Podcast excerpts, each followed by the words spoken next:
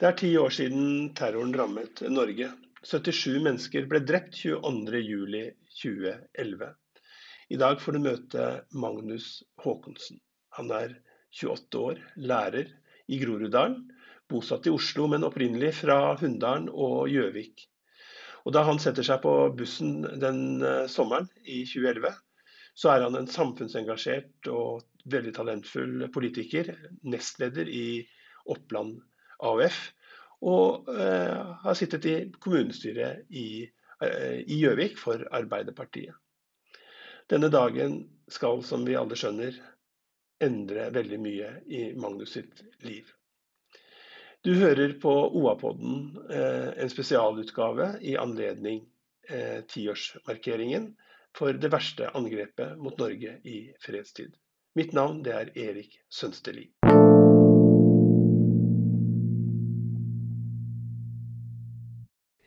Hvordan har 22.07 preget deg? Nei, eh, Det er et veldig vanskelig spørsmål å svare veldig konsist på, egentlig. Fordi eh, man blir jo selvfølgelig preget, alle mennesker, av alt man går gjennom i løpet av livet. Og av de store tingene som skjer, hvilket 22.07 definitivt er for min del, og for veldig, veldig mange andres del også, så blir man jo svært påvirka av det. I tiden rett etter så blir man selvfølgelig mye mer påvirka i og med at man får uh, vansker med å håndtere hendelsen, med triggere, med at man blir rett og slett redd. At man er, uh, sitter med en angst og er, er, redd for hvordan Altså man er redd for hendelsen og at den skal gjenta seg, og man er også redd for hvordan hendelsen kommer til å prege deg over lang tid. Da. Det er noe av det første jeg husker at jeg tenkte mye på, er hvordan hvordan skal jeg på en måte klare å bearbeide dette?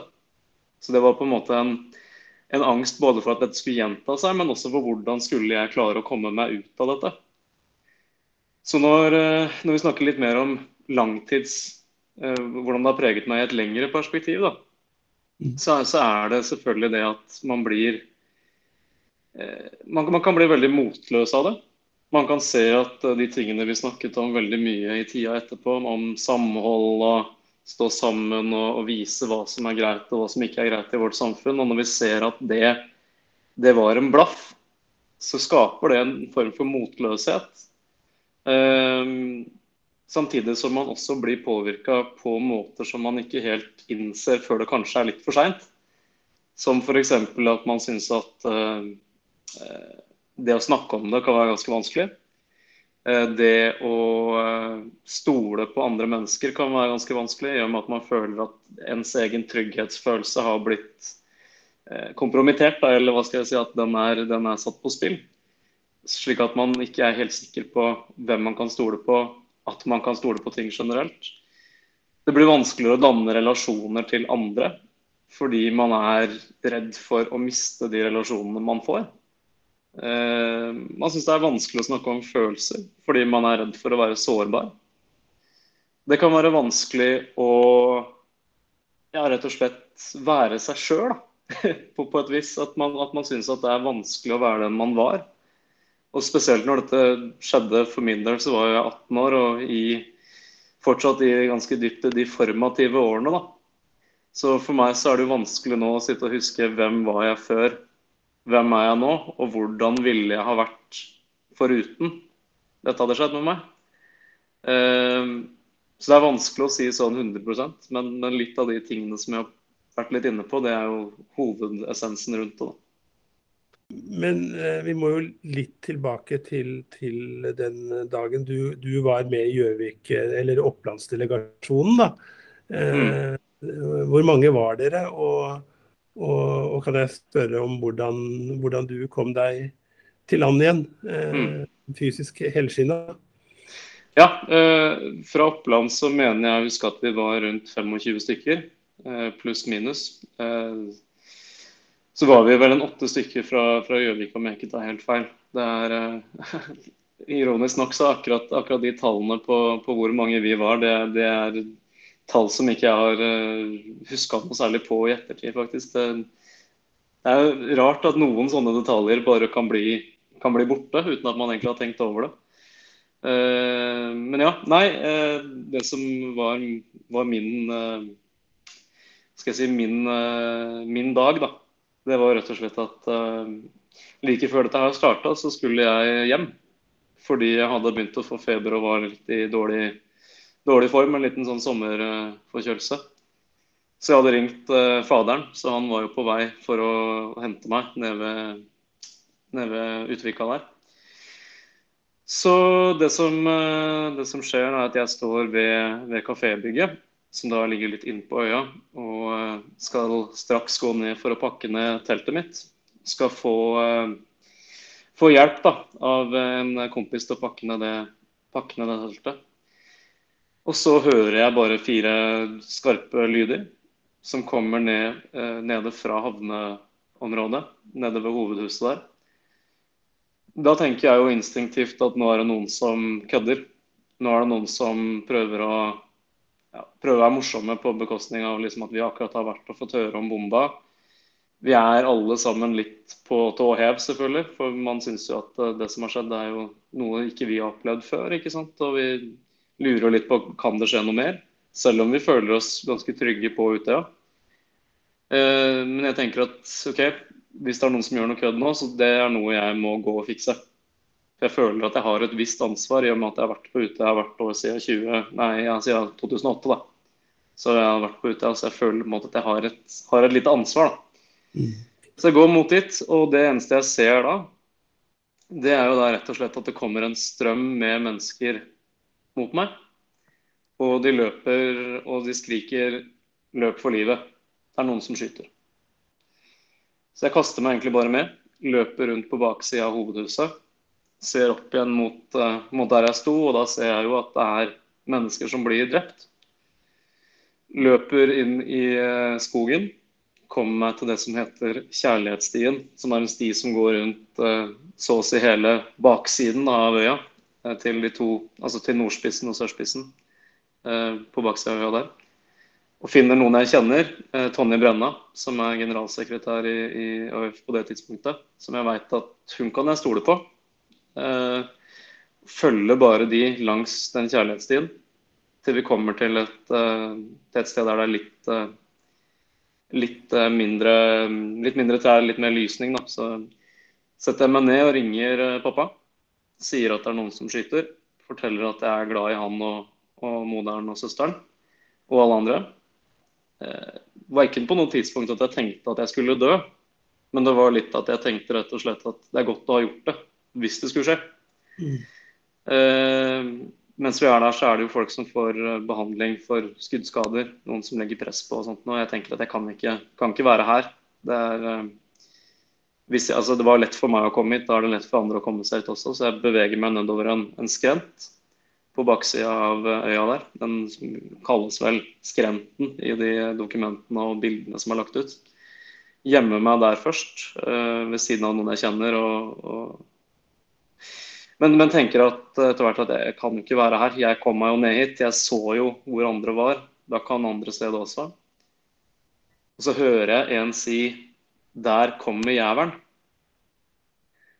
Og da instinktivt så bare kaster jeg meg utafor skrenten og løper eller sklir nedover mot vannet. Eh, mens jeg løper nedover eller sklir nedover, så ringer det noe fryktelig i det venstre øret mitt, for da har det kommet et skudd da, like ved. Eh, så kommer jeg meg ned til vannet. Prøver å løpe, men det, det, det går jo litt sakte. Det var ganske mye vann på ute av den eh, Eh, mener jeg husker da. Jeg, kanskje jeg tar feil på det, men, men akkurat der og da så føltes det som det var mye vann. da, i hvert fall. Så løper jeg, og så detter jeg. Så ser jeg at det faller skudd i vannet, og da tenker jeg at ok, da, da er det ferdig. Da, hvis jeg, altså jeg tryna nå, da blir jeg skutt. Men så skjer det ikke, så, så jeg kom meg opp igjen og får begynt å svømme. Og svømmer etter hvert inn igjen da mot øya i en hule. Ehm, for det, for det, er rett og slett fordi jeg ser en jeg kjenner der og tenker at hvis jeg kjenner dem fra før, så kan jeg stole på dem. Ingen andre kan jeg stole på akkurat nå. Blir sittende der eh, sammen med, med en annen gutt. i eh, kanskje en halvtimes tid. Hører bare på skuddene. Prøver å liksom høre er det er det én, er det flere? Skjer dette andre steder? Kommer det lyder fra noe annet sted? Uh, Trodde du det var flere? Altså, når, du, når du sitter i en sånn situasjon, så klarer nok hjernen din å spille deg såpass mange puss at du føler at det er flere, eller hører flere, eller ja, eller altså, Hjernen din spinner rett og slett historier som ikke nødvendigvis har noe særlig rot i virkeligheten. da. Mm. Så mens jeg satt der, så følte jeg jo at jeg hørte to våpen. Og det, det stemte jo. Fordi det var jo flere våpen som ble brukt. Men det var jo fortsatt bare én person. Mm. Men da tenker man jo, ikke sant, da er det to personer. Eller flere. Um, ja, men, ja. Men, eh, men, så du at eh, du så han jo. Fikk du med deg at han var kledd ut som en politimann, eller trodde du det var politiet? og at? Du rakk du å tenke rundt det? Rundt det? det rakk jeg tenke. Jeg rakk ikke å tenke rundt at, var, at han var utkledd i politiuniform. Det, det, rakk jeg ikke. Jeg, jeg, jeg så han jo. Jeg, jeg, snudde meg jo da jeg, da jeg sklei ned den skrenten. Og da så jeg jo en som sto og sikta. Og jeg fikk jo med meg at han var kledd i, i svart, men jeg fikk ikke med meg noe politieffekter eller noe sånt. Så jeg har ikke, noe den, har ikke den koblinga til det. Det har jeg ikke. Men så kom du til hula, da? Med, ja. Mm. ja og, og, var der en, en, god stund mens vi hørte på skuddene og prøvde å finne ut litt mer, da. Uh, jeg blødde jo en del, fra, litt, litt, fra hodet og litt fra, fra beina, for jeg hadde jo, hadde jo sklidd ned den skrenten. og det så, så jeg var jo ironisk altså, Hva skal jeg si, da? Jeg var jo ung og dum. Så jeg, man tenker jo tanken har jeg blitt skutt på noe vis nå, og det, det hadde jeg jo ikke, da. Men det, det, er jo Hjernen din går ufattelig mange rare steg når du, når du sitter her og lurer på hva som skjer, og hva du skal gjøre, og om du kommer til å overleve. Men etter hvert så vi begynner å høre båter, som, som jo etter hvert kommer og hjelper. da. Men det som er viktig å ha med seg på det tidspunktet, er at vi aner jo ikke om at det at det kommer båt, er positivt eller negativt. Vi veit ikke om det er Som jeg sa tidligere, vi vet ikke om det er én eller flere. Vi vet ikke om de personene da, eller den personen har båt. Og vi vet ikke om dette her skjer i resten av Norge heller. Så vi har ingen informasjon som, vi, som, gjør at vi kan vite om det at det kommer en båt er positivt eller negativt. Så vi gjemmer oss bare egentlig lenger og lenger opp i den hula. Helt til vi så vidt får med oss at den båten begynner å kaste ut redningsvester. Så da, da husker jeg at jeg ser på han, eh, han, gutten som er der og sier unnskyld, eh, unnskyld språkbruken, men da sier jeg at vi, nå svømmer vi som faen, rett og slett. Og vi begynner å gjøre det. Kommer oss ut. Og jeg, jeg har jo briller også på det tidspunktet. Og jeg tenkte at de må jeg uansett ha for å kunne se klart. da. Ja. Men jeg har også på meg en genser, så jeg ber eh, mens vi svømmer så fort vi kan, så ber jeg han om å holde brillene mine mens jeg tar av meg en genser, for det var for tungt å svømme. Og det er jo sjukt at han da sier ja, men det, det gjør jeg jo selvfølgelig. Men ja, vi, vi, vi svømmer mot båten, og ca. 50 meter fra den båten så snur jo den, da. Fordi den har tatt opp i så mange folk. Så da husker jeg at vi diskuterer veldig kjapt om vi skal svømme tilbake, eller om vi må fortsette å svømme. Og da sier jeg jo bare at vi må Nå må vi bare svømme så langt unna vi, vi kommer. Så vi svømte egentlig rett ut i fjorden. Altså mot landsida på andre sida, da. Som jo er en Mot Utvika? Nei, ikke mot dit. Mot, mot andre sida. Så vi, vi, vi Der hvor det er lengst til land? Yes. Det var dit vi svømte først, rett og slett fordi jeg sa at vi må komme oss så langt unna at vi er vanskelig å treffe. Mm. Og da var det ikke naturlig å, å, å, bue rundt på en måte før vi hadde kommet langt nok ut. da. Så jeg, så jeg anslår jo at vi, at vi svømmer i hvert fall 500 meter vekk fra øya. Kan, ja, 400-500 meter, altså i hvert fall 400-500 meter unna øya før vi begynner å bue litt rundt. da. Du må jo så, være liten. Ja, eh, man, man, blir jo det, selvfølgelig. Og, men jeg rakk ikke å tenke over hvor sliten jeg var før jeg kom meg opp på land, egentlig. Eller før jeg kom meg til en båt. da. For vi, vi svømmer jo for jo egentlig Vi er jo da noen hundre meter unna, for vi har jo begynt å bøye av ikke sant, for å prøve å komme oss rundt igjen. da. Og Da er vi jo litt nærmere øya igjen på det tidspunktet. Så ser jo vi at de, de siste skuddene og sånt, og det, vi ser jo at det skjer på sørsida. Eh, og vi sier jo bare at vi, vi fortsetter å svømme mot, da mot Utvika. da. Så blir vi plukka opp av en altså, Mens vi svømmer, så kommer det jo nye inn i på en måte den lille gruppa vi var. da. Bl.a. en som han eh, gutten kjente, som var skutt i, i skulderen. Eh, og noen andre som vi møtte underveis. Eh, som, som, jo er veldig veldig rart. At plutselig så er det flere du, du, du kjemper for livet med. da. Men vi, vi, kommer oss kanskje en sånn 200 meter unna landsida, og da blir vi plukka opp av en båt. Da husker jeg at jeg skal prøve å dra meg opp i den båten etter arma. Hadde ingen sjanse til å få det til. Hadde ikke noe styrke igjen i arma. Og øh, forsøker jo å si at ja, men bare kjør, jeg holder meg fast. Før, før eh, den som har båten sier at det er stige bak. Så heldigvis, da, for det hadde jo ikke gått å holde seg fast. Men, men igjen, du, du, du, sier de merkeligste ting, og du tror de merkeligste ting kan funke. Og så kommer du til land. Mm. Du kommer etter hvert til, eh, til Sundvolden. Det er riktig. Eh, og blir tatt hånd om der. Når møter du faren din og kan og reiser hjem? Jeg møter, eh, møter faren min ganske tidlig. Mm. Så han er nok en av de foreldrene som er tidligst på Sundvolden, vil jeg tro. Da. For han var jo på eh, like ved Utvika camping var jo han mens store deler av skytinga pågikk. Han var jo der fra klokka var ca. seks, vil jeg tro. Eh, så, så, han kommer dit ganske tidlig. for Jeg, jeg blir jo bare kasta inn i en bil og kjørt til, til Sundvolden. Uh, får låne en telefon der, ringer til faderen. Og så kommer jo han dit så fort han kan. Da. Så jeg tipper jo at han er der.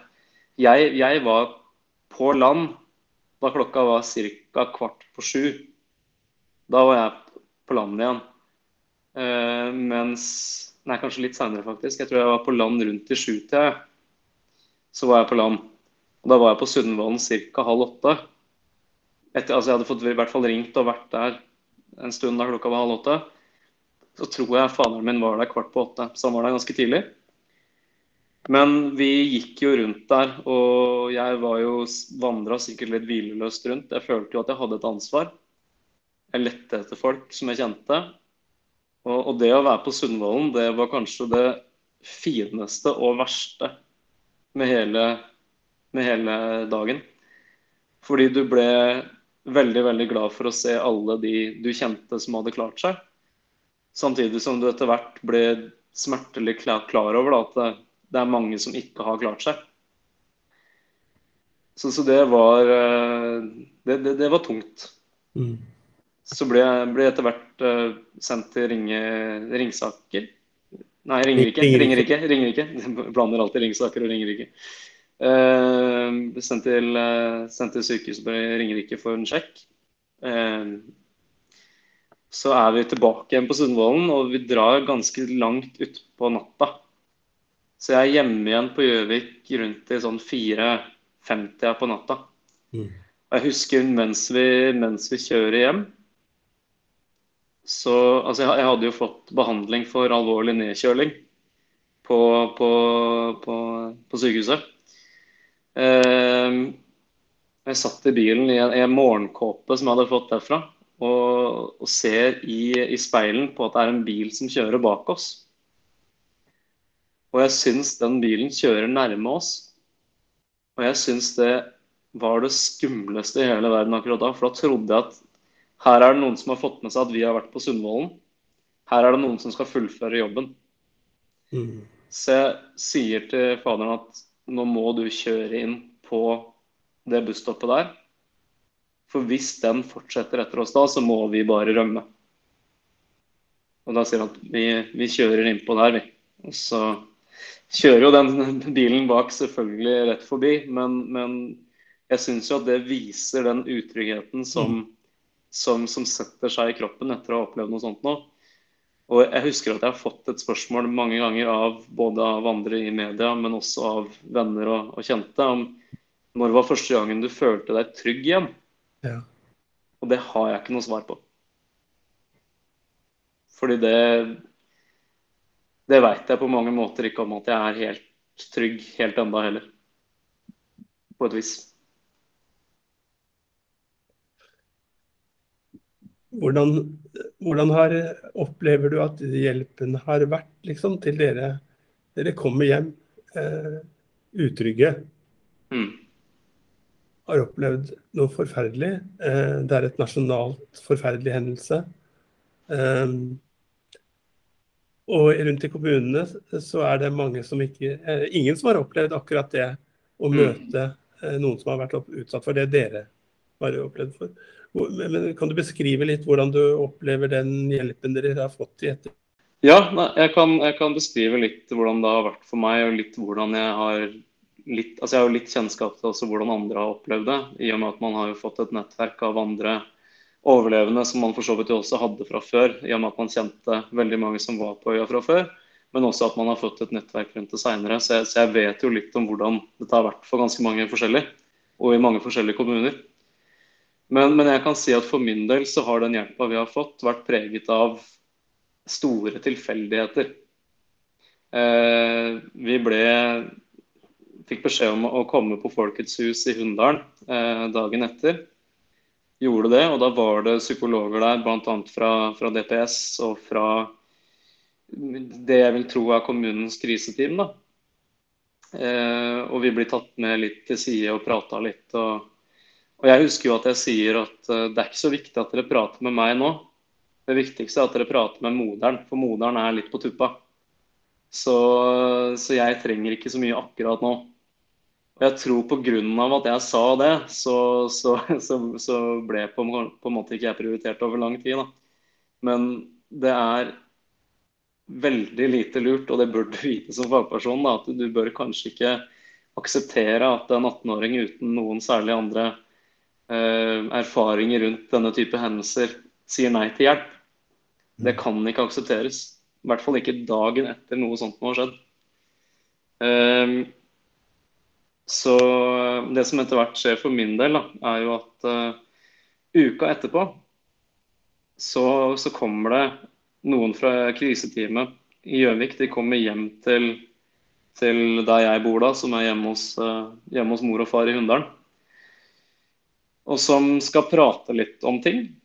Uh, jeg var jo Jeg hadde jo ganske så problemer med både å fokusere og konsentrere meg, og også litt med, med, sinne i den perioden. Ikke et sinne som var på en måte mot noe spesifikt, men bare at man pga. at man går rundt og er på, på vakt, altså, så bygger det seg opp en frustrasjon som kan bli sinne. Uh, jeg husker at det var noen psykologer, og så var det en fra Nav, mener jeg husker. Og i den samtalen så blir det da sagt til meg at ja, men ja, jeg ser at du spiller litt instrumenter og sånt, og det er jo veldig fint, da. Det hjelper jo mot traumer. Og da sitter jeg der og blir rett og slett veldig usikker på hva, hva er dette her for noe, egentlig. Altså, dette er uka etter at jeg har mista mange venner. Uka etter at jeg har vært centimeter uten, altså, unna å bli skutt. Og så er det noen som snakker om at ja, spille musikk, det er bra. Det, det er rett og slett fjernt da, for meg. Hvorpå den samme personen også sier etterpå at ja, det, det, som er så interessant med dette, dette er at det blir veldig spennende å forske på. Og da husker jeg at vi, altså vi sitter jo da rundt spisestuebordet. Jeg husker jo at jeg slår knyttneva mi i bordet og sier at ja, da kan du faen meg Unnskyld. Da kan Jeg husker at vi sitter rundt, uh, vi, sitter rundt spisebordet. Uh, og han sier at, uh, at, da, at, det blir spennende å forske på. Da slår jeg knyttneva i, i, bordet og sier at da kan du dra ut herfra og forske på det et annet sted. Fordi det føltes rett og slett som et sånn altså man, man, følte seg litt som en, en, utstilling på et museum. da. At her er det, ja, du, du, blir spennende å forske på. Det er ikke så viktig om du får hjelp, men det, det blir spennende å forske på deg. Det... Hva, tenker du om det? Var det sånn at det, at det var det for at de ikke visste hvordan de skulle håndtere det, eller var det rett og slett uh, ufatt, ja, ufattelig uten forståelse for hvordan det virker. Hvor ufølsomt, kanskje det, og helt utafor. Mm. Ja, jeg, jeg, er usikker. Jeg er usikker på om dette her dreier seg om noen som bare prøver å komme inn med en litt sånn jovial holdning, eller om dette dreier seg om noen som bare rett og slett ikke har kompetanse på det de skulle drive med. Det veit jeg ikke. Og, men i retrospekt så, så, ser jeg jo selvfølgelig at alt han sa, det, det stemmer jo. Men å si det til noen som for fire-fem dager siden gikk gjennom sitt livs verste hendelse, det fungerer ikke. Det er ikke sånn man håndterer ting. Og det er ikke Altså, de, de, de, tingene han sier kan være så sant det bare kan være. Men det hjelper ikke i den settinga og på den måten han sa det på. Så, så jeg, så jeg veit ikke helt hva det skyldes, jeg. Men, men, det var i hvert fall en veldig bisarr eh, hendelse. Så det var den eneste gangen jeg hadde kontakt med Gjøvik kommune aleine. Jeg, jeg, fikk etter hvert også tilbud Jeg måtte først om BUP, og så senere til DPS på noen timer. Men det var ikke på bakgrunn av noe som skjedde fra eh, kriseteamet i Gjøvik kommune. Så det var kun den gangen da de kom hjem til meg. Det var tre personer. Én eller to psykologer, også en fra Nav. Eh, neste gangen min familie da har kontakt med noen fra Gjøvik kommune som representerer Gjøvik kommune og kriseteamet der, da, det er i 2012 Eh, på våren da, altså åtte-ni ja, måneder etterpå, hvorpå ei kommer eh, altså Dette er på en overlevelsessamling i regi av støttegruppa, som da skulle ta for seg hvordan rettssaken kom til å bli. Eh, så, så, kommer hun da bort til moderen og faderen min og sier ja, er det dere som er foreldrene til Magnus? De sier ja. Og hun sier ja, ja, for jeg er hans kontaktperson i kommunen. Og denne personen var jo da en av de som var hjemme hos oss, men som jeg ikke da har hatt noe kontakt med siden da. Eh, og som jeg ikke visste at var min kontaktperson. Og dette viser litt hvordan mange kommuner har takla dette her. Og det er at uh, du får vite i en bisetning at du har en, en kontaktperson, og så venter de på at du skal ta kontakt. Og all den, altså jeg, jeg kan si med hånda på hjertet at 95% av den informasjonen som jeg fikk i ukene og kanskje de to-tre første månedene etter 22.07, eh, det er informasjon som, som, jeg ikke fikk med meg da. Jeg, jeg, hadde ikke, jeg, hadde ikke, noe plass til å få det med, få det med meg i det hele tatt. Så, så, så det, det, er helt ubegripelig at det er du som, som offer i en sak som skal forventes å være den som har kontroll på disse detaljene, og som tar kontakt med din kontaktperson. Mm. Så, så, der har, i hvert fall for min del, Gjøvik kommune ikke fulgt opp det mandatet og det, det ansvaret de har. Og jeg veit at dette her er tilfellet for svært mange andre kommuner også. Mm. Hva er det viktigste rådet eh, du vil gi Eh, eh, kommuner eh, hvis, det, ja, hvis skulle, det skulle hende igjen og man fikk hjem mennesker mm. utsatt for en svært, svært alvorlig hendelse, sånn som det du gjorde, opplevde. Mm. Ja, jeg tror jo dessverre at vi må være såpass ærlige at vi, at vi snakker om når det skjer, mm. ikke om hvis det skjer. Og Det handler ikke om at samfunnet er på vei til å bli mer polarisert. Eller, altså det handler ikke om, om, det, men det handler om at vi som samfunn og, og ethvert samfunn som noensinne har eksistert, kan ikke garantere at sånne typer hendelser ikke kan skje. Så, så vi, og, og, hvis vi snakker om det altså når, når vi sier 'hvis', så, så, gjør vi det slik at både kommuner og stat kan ligge litt på latsida og tenke at ja, men det er ikke sikkert at dette her skjer. Vi må være tøffe nok til å si når. Mm. Og kommuner og stat må være forberedt på at det er når. Ehm, de må også vite det at eh, barn og unge voksne som ikke har noe erfaring med dette eller, eller lignende traumer fra før, vil ikke vite hvordan det skal gå fram for å få hjelp. Den hjelpa den må ligge der og være klar eh, for oss. Og det er slik at det må settes opp timer hos psykolog, hos kriseteam, uten at du selv tar initiativ til det.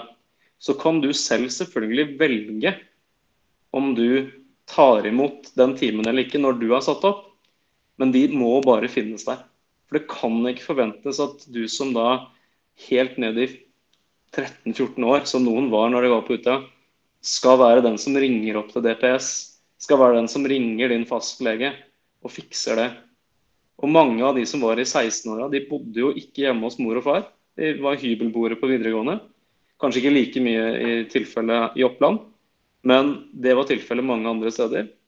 Å ha det ansvaret når du skal prestere på skole, du skal prestere på sosiale arenaer, og så skal du i tillegg ta ansvar for at du får hjelp av kommunen din, da fungerer ikke systemet vårt.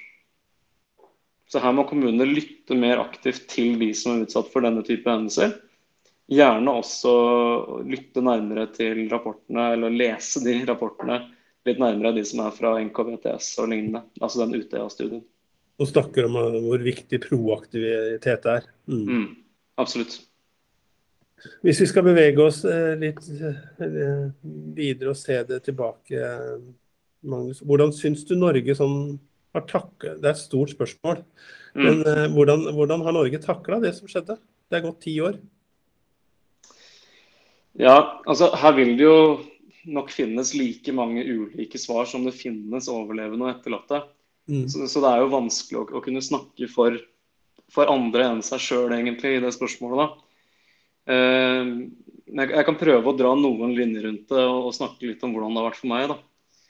Så jeg, jeg, tenker jo at Det store samholdet som ble vist i tida etter 22.07, det var For meg så var det veldig nødvendig. Jeg, jeg trengte det. Jeg, trengte å se at her var det her var det noen som Eller her var det mange som da sto med oss. Det, det trengte jeg, og jeg er kjempeglad for at det, det skjedde.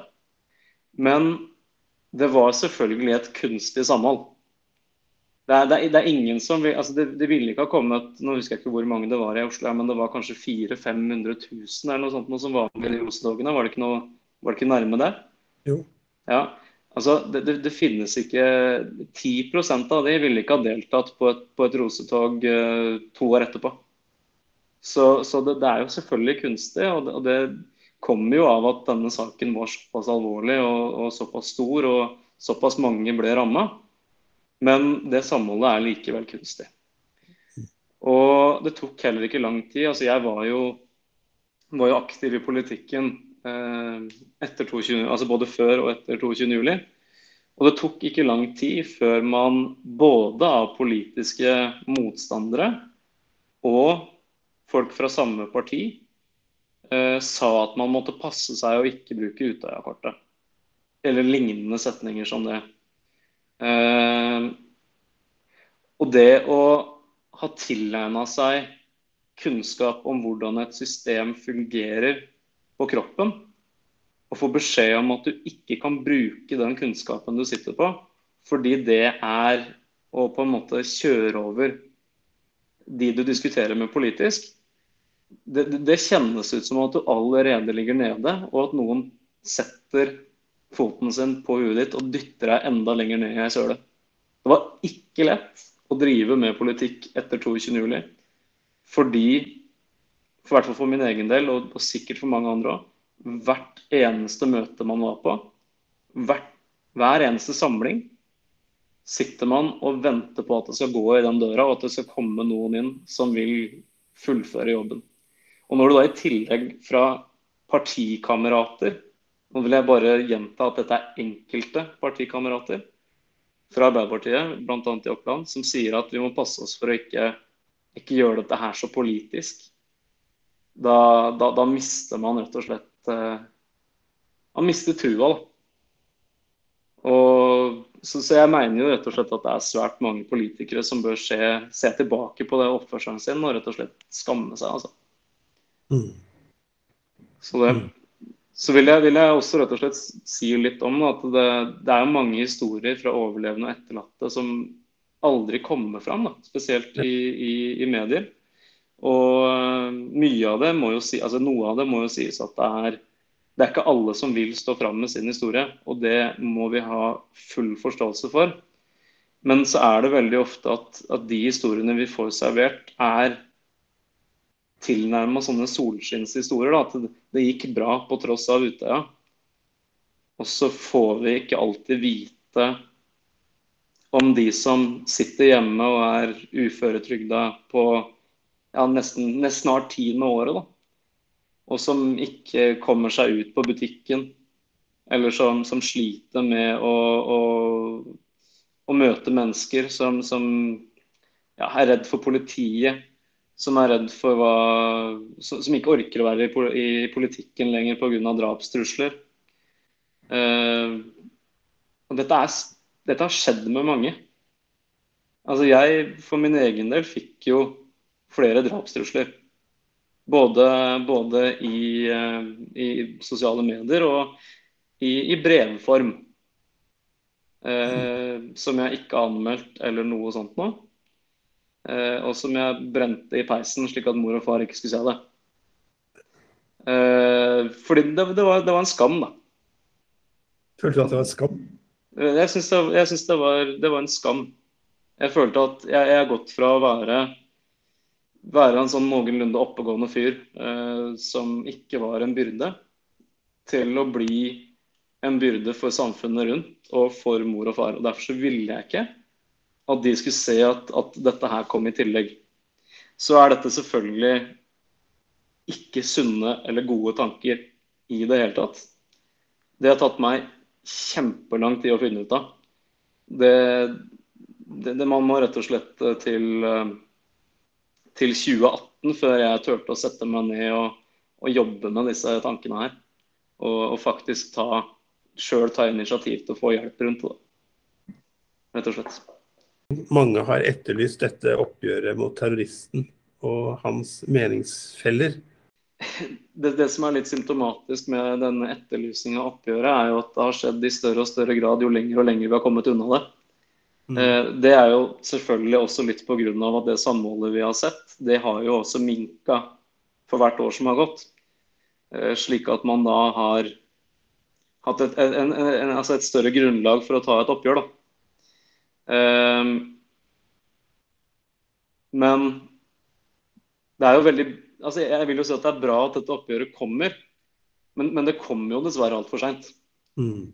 Og så er mitt inntrykk at noen tar dette oppgjøret også litt for å mele sin egen kake, eller for å mele sitt eget standpunkt. Um, Hvordan da? Nei, altså selvfølgelig. Det, det er det, det, det, er vanskelig å sette ord på.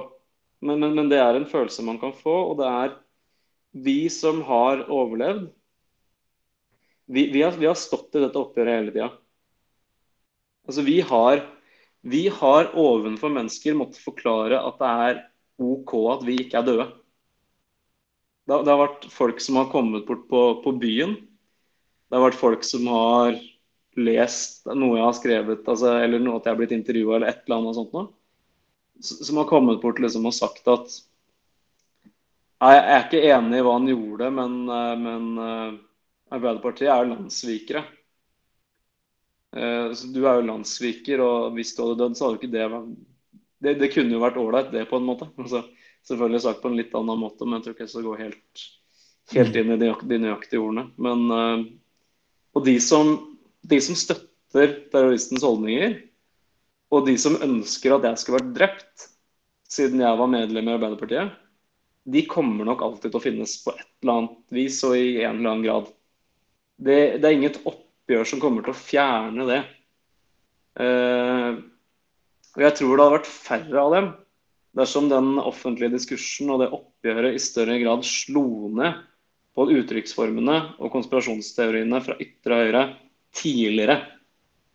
Men isteden så får jo Fjordmann, han eh, bloggeren som, eh, som delte store deler av tankegodset, han, han, eh, han får pris. Uh, Human Rights Service, eller hva det heter med hun Hege, Hege Storhaug, de får millionbeløp hvert år for å drive en, en blogg med ja, med, med, svært lite journalistisk integritet og, og, rimelig mange konspirasjonsteorier, som også da mange er forenlige med terroristens holdninger. Eh, så var det det som skjedde istedenfor at de, disse holdningene ble tatt et oppgjør med. Og det er eh, Det må jeg bare si. At her bør nå, nå, vil jeg bare påpeke før jeg sier det at per nå så har ikke jeg et, et politisk medlemskap i noe som helst parti. Men de som er politikere fra Høyre, Erna Solberg, som har tillatt en regjering der man gir millionbeløp til en blogg som HRS, de bør i ettertid se seg så grundig i speilet som det går an å se seg i speilet. Fordi de har vært med på å legitimere de holdningene istedenfor å ta et oppgjør med de. Og nå snakkes det liksom om å, om å, om å ta det oppgjøret også fra, fra, Høyre, fra Høyres side. Det, det, er Det er bra at det kommer, men, men, men har no, det har ikke noe kredibilitet, da. Mm. Og Det er derfor jeg sier også litt om å mele sin egen kake og, og fremme sitt eget standpunkt. At det er nå, er nå, er det riktig å si at det oppgjøret trengs. Det var ikke riktig å si det for, eh, for sju eller fem år siden. Men nå som det er riktig å si at du kan skåre mer politiske poeng på å si det, da har man plutselig nok politisk kapital til å gjøre det. Det hadde ikke Høyre for, for eh, fem år siden. Derfor så gjorde de det ikke. Og Da kan man jo spørre seg om er dette her noe Høyre virkelig står inne for, eller er det noe som de gjør fordi det er riktig å si det i tida. Så vet jeg at jeg har et litt kynisk syn på det, men, men det, det, skyldes jo rett og slett at man har måttet stå i den kampen så lenge alene. Jeg, jeg, må jo si at dette er jo Altså, det er flere politiske partier som må, må se seg litt i speilet her også. Altså. Og, jeg, og, jeg, sa jo litt tidligere at, at at Arbeiderpartiet også har, har hatt medlemmer, og, og, flere av de høyt oppe også, som har, som har, sagt at vi ikke trenger å bruke Utøya politisk, og at vi må passe oss for det. og ja, og rett og slett satt litt munnkurv også på, på, på noen AF-ere i forbindelse med, med, dette. Så det er ikke en, en ensidig kritikk mot en ensidig i politikken. Det er, eh, det er nok flere som må se seg litt i speilet i lys av hvordan de har håndtert dette her. altså. Hvordan skal vi bekjempe radikalisme og ekstremisme i framtida, Magnus? Ja. Noen tanker rundt det? Ja, det er jo Nei, er ikke det Nok et stort spørsmål. Ja, det, altså det, det, er jo det spørsmålet altfor mange hevder å ha et svar på, uten at noen egentlig har et fullstendig svar på det. Altså det er eh, Det er så mange som vil selge bok og si at de har et svar, og så har de egentlig ikke et fullstendig svar. Uh, og jeg tenker at Det er også viktig for min del da, å, å, påpeke at man, man, blir jo ikke ekspert på å håndtere ekstremisme kun fordi man har overlevd et terrorangrep av en høyreekstrem terrorist. Så jeg er ikke ekspert på det. Jeg har egentlig få forutsetninger også for å være det. Annet enn at det selvfølgelig for meg har et, et, et større Altså jeg har jo et større perspektiv på hvor viktig det er å bekjempe. da. Det er vel mer det som er riktig å si. Og hvis jeg skal si det veldig generelt, da, så mener jeg at det som fungerer best mot ekstremisme, er jo å skape et samfunn med mindre forskjeller mellom fattig og rik. Et samfunn som har mer tillit til hverandre, og som er i stand til å gi muligheter til alle. Um, altså et, et, et, samfunn der hvor folk føler at deres ja, altså både, både, dem som individer og deres gruppe blir sett og hørt. Og Da tenker jeg ikke på at, at den høyreekstreme gruppen må ses og høres og tas inn i varmen. Eller at eh, radikale islamister eller radikale kristne eller radikale hva det nå ønsker være, at de må få en større plass. Nei. Men at det finnes andre grupper som mennesker defineres eh, innad enn akkurat hvor de står politisk. Og gi f.eks. altså yrkesgrupper. Eh, større, større, muligheter til forskjellige yrkesgrupper. Større, eh, altså sørge for mindre forskjeller mellom de som da har et godt, ærlig arbeid, og som, som kanskje ender opp med å tjene rimelig lite opp mot de som ja, på, på mange vis fra, fra utsiden da vil oppfattes som at har en tullejobb, og som sitter igjen med flerfoldige millioner i ettertid. For, for de da som sitter med den jobben der de tjener gjennomsnitt eller under gjennomsnitt og føler at de gir like mye, så vil det oppleves det vil oppleves fælt, og det vil oppleves som noe som ødelegger tilliten i samfunnet. Eh, Magnus, du er lærer. Eh, det stemmer. Hvordan skal vi bruke 22.07 til å, å, lære av det? Både, altså, og først og fremst i skolen. da. Hvordan skal vi snakke om 22.07 ja. med elevene våre? det er jo Ja, ikke sant. Det, det, er jo et ekstremt godt spørsmål. Og det er et ekstremt ekstremt vanskelig spørsmål å svare på også. Fordi eh, jeg som lærer sjøl er jo opptatt av at vårt samfunnsoppdrag som lærere skal være aktuelt. Det skal jo være et yrke der hvor man lærer opp den neste generasjonen i ting som er sentrale i vår felles historie. Og det å da velge f.eks. å utelate det å undervise om 22.07, det vil jo være et, et form for hån ikke mot etterlatte overlevende, men mot vår felles historie. Fordi det er en av de hendelsene i Norges historie som er eh, kanskje en av de største rett og slett, som har skjedd. Pga. hvor uventa og pga. Eh, dagene, ukene etterpå, altså hva vi så da, så er det en veldig unik altså et, et unikt svar på en unik hendelse i norsk målestokk. Så, så, det å velge å ikke undervise om det, det, det går ikke, etter min mening. Så er det selvfølgelig slik at vi kan ikke plassere hele det samfunnsoppdraget på lærere heller. For jeg er opptatt også av at vårt samfunnsoppdrag det kan ikke økes for mye uten at det da selvfølgelig blir tilførsel av ressurser og rett og slett at vi settes i en posisjon til å gjøre det.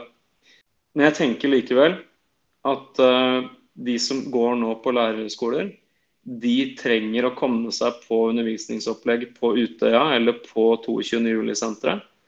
De trenger å fins, og at man kan ta med seg elever på det når man selv er lærer. Der er det gode undervisningsopplegg eh, som er laget for ungdomsskole og videregående, som jeg vil anbefale. Hvordan har du det i dag? Nei, eh, akkurat i dag så er jeg veldig varm. Men eh, det er veldig varmt i Oslo nå om dagen. Jeg vært og kjøpt meg en vifte i går. Det måtte, måtte has. Nei, altså vi ikke òg. Ja, ikke sant. Nei, det, det, er også litt typisk meg da, at når det kommer et litt seriøst spørsmål om meg sjøl, så skal det spøkes litt bort, uh, spøkes litt bort først. Nei da. Jeg vil jo si at jeg er, jeg er veldig stolt av meg sjøl for noen ting. Og det er jo det at jeg fullførte videregående. Jeg fullførte lærerstudiet. Jeg fikk meg jobb. Men det jeg kanskje er mest stolt av meg sjøl på, det er at jeg endelig tok initiativ til å få hjelp i 2018, som har gjort at jeg lever et mye, mye bedre liv nå enn det jeg gjorde da. Og et liv som jeg vet at jeg kan holde ved like over tid. Jeg lever ikke på en måte som er over eller under evne. Eh, jeg har fått mye hjelp som jeg har trengt, og som jeg ikke skal være flau for at jeg har fått, og som jeg ikke skal være flau for at jeg har trengt. Og da må jeg bruke de positive sidene som jeg har klart å ta ut av det, og prøve å dyrke de. Det klarer jeg på veldig mange dager. Så er det andre dager der, der, det ikke er like lett, og det er det for alle mennesker. Jeg må, jeg må akseptere at jeg ikke alltid er som alle andre mennesker. Fordi jeg har gjennomgått noe som alle andre mennesker ikke har gjort. Men samtidig anerkjenne at det, det fins ikke et eneste menneske som ikke har en dårlig dag. Og som ikke har en dårlig periode. Mm. Så anerkjenne at også andre har det vanskelig, gjør det enklere for meg å akseptere at jeg også kan ha det. Ehm, så jeg prøver å se det positive også i det at man kan ha det vanskelig. Mm. Fordi nå som jeg har fått større muligheter til å kunne sette ord på de følelsene jeg har, så er det også enklere for meg å relatere meg til andre av mine kompiser og mine venner. Og også enklere for meg å snakke i media om disse type tingene. Mm. Som gjør at mange av de vennskapene jeg har, har blitt sterkere pga. det. Så derfor så, så, så, må jeg prøve å ta det positive i det. Og tenke at det er mye som skjedde 22.07 som jeg kommer til å ha med meg gjennom hele livet. Noe av det er vondt, og så er noe av det litt godt også. Magnus eh, Håkonsen, takk for at du delte din historie og dine tanker rundt 22.07 eh, og tida som er gått siden det. Bare hyggelig.